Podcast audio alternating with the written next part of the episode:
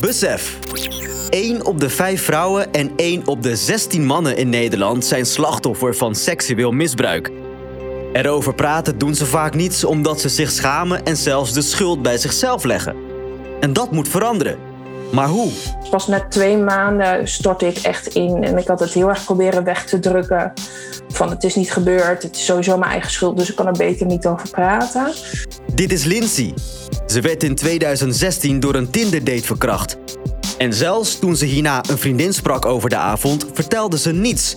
En dat had grote gevolgen. Maar toen trok ik het niet meer, dus toen heb ik een paniekaanval gehad. Uh, die, die heeft meer dan een dag geduurd. Waarom is het zo belangrijk dat je hulp zoekt en hoe doe je dat? Mijn naam is Gilly en ik onderzoek dit samen met redacteur Elise. Dit is de Phonics Besef podcast. 20% van de vrouwen en bijna 7% van de mannen in Nederland zijn slachtoffer van seksueel misbruik. Erover praten is moeilijk en dus doen weinigen het. Voor mannen ligt de drempel soms hoger. Een mannelijkheid, weet je, zoveel denken gelijk van, weet je, dat, dat, uh, dat je, dat je, wordt je, je wordt gelijk in een hokje gestopt. Het is al moeilijk om erover te praten en al helemaal als jij dit zelf meemaakt. Je hoorde net Sagar, die je bij een speciale sessie op school eindelijk erover durfde te praten. Eerder hoorde je ook al Lindsay, die door een ernstige paniekaanval gedwongen werd om hulp te zoeken. Redacteur Elise sprak met hen. Maar je schaamte, ik heb hem zelf uitgenodigd in mijn eigen huis. Ik had, ik had een rokje aan. Um, Elise, jij sprak dokter Iva Bikanic, klinisch psycholoog en landelijk coördinator van het Centrum Seksueel Geweld. Waar komt dat vandaan? Uh, ja, het komt heel vaak voor dat mensen schaamte of schuldgevoelens hebben na een seksuele ervaring. Je bent vaak toch geneigd om de schuld een beetje bij jezelf te leggen. Je vraagt je bijvoorbeeld af: oh, waarom ben ik niet weggerend? Of waarom droeg ik die avond een korte rokje? En dat soort vragen kunnen steeds terugkomen als je aan die nare ervaring terugdenkt. Mensen kunnen zichzelf een zwakkeling vinden omdat, ze, ja, omdat het hun is overkomen. Um, en die verwijten aan jezelf maken het eigenlijk lastig om die nare seksuele ervaring te verwerken. En dat kan dan op den duur zorgen voor psychische problemen.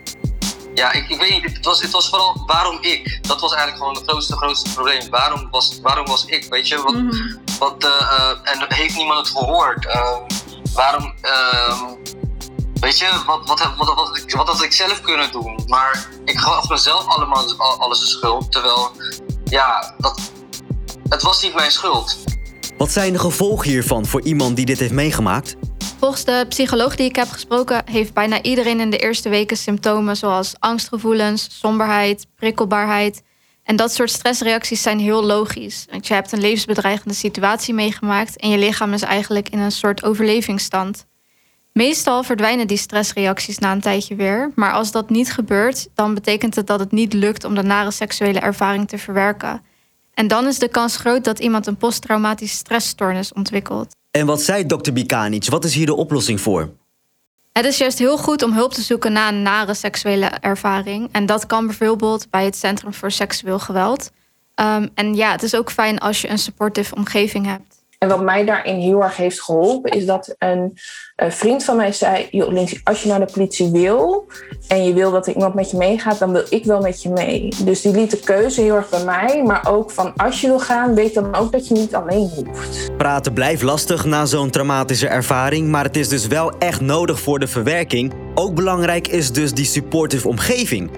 Maar stel je spreekt iemand die dit is overkomen, hoe kan jij diegene dan helpen? Nou, het is heel belangrijk om geen vragen te stellen die het schuldgevoel kunnen aanwakkeren. Zoals bijvoorbeeld, wat droeg je die avond? Of had je niet kunnen terugvechten? Um, wat je beter kunt zeggen is bijvoorbeeld, nou goed dat je, dat je dit met mij deelt. Het is niet jouw schuld en het had nooit mogen gebeuren. Kan ik je helpen om hulp te zoeken? Oké, dit moet je dus beseffen. 1 op de 5 vrouwen en 1 op de 16 mannen is slachtoffer van seksueel misbruik. Praten hierover is moeilijk, maar wel echt nodig voor de verwerking en om niet een blijvende posttraumatische stressstoornis te creëren. Zoek iemand in je omgeving die je kan vertrouwen, praat erover en kijk samen of je naar een hulpverlener en of de politie moet gaan. Dit was de Phonics Besef podcast. Wil je meer weten over dit onderwerp? Check phonics.nl slash beseft.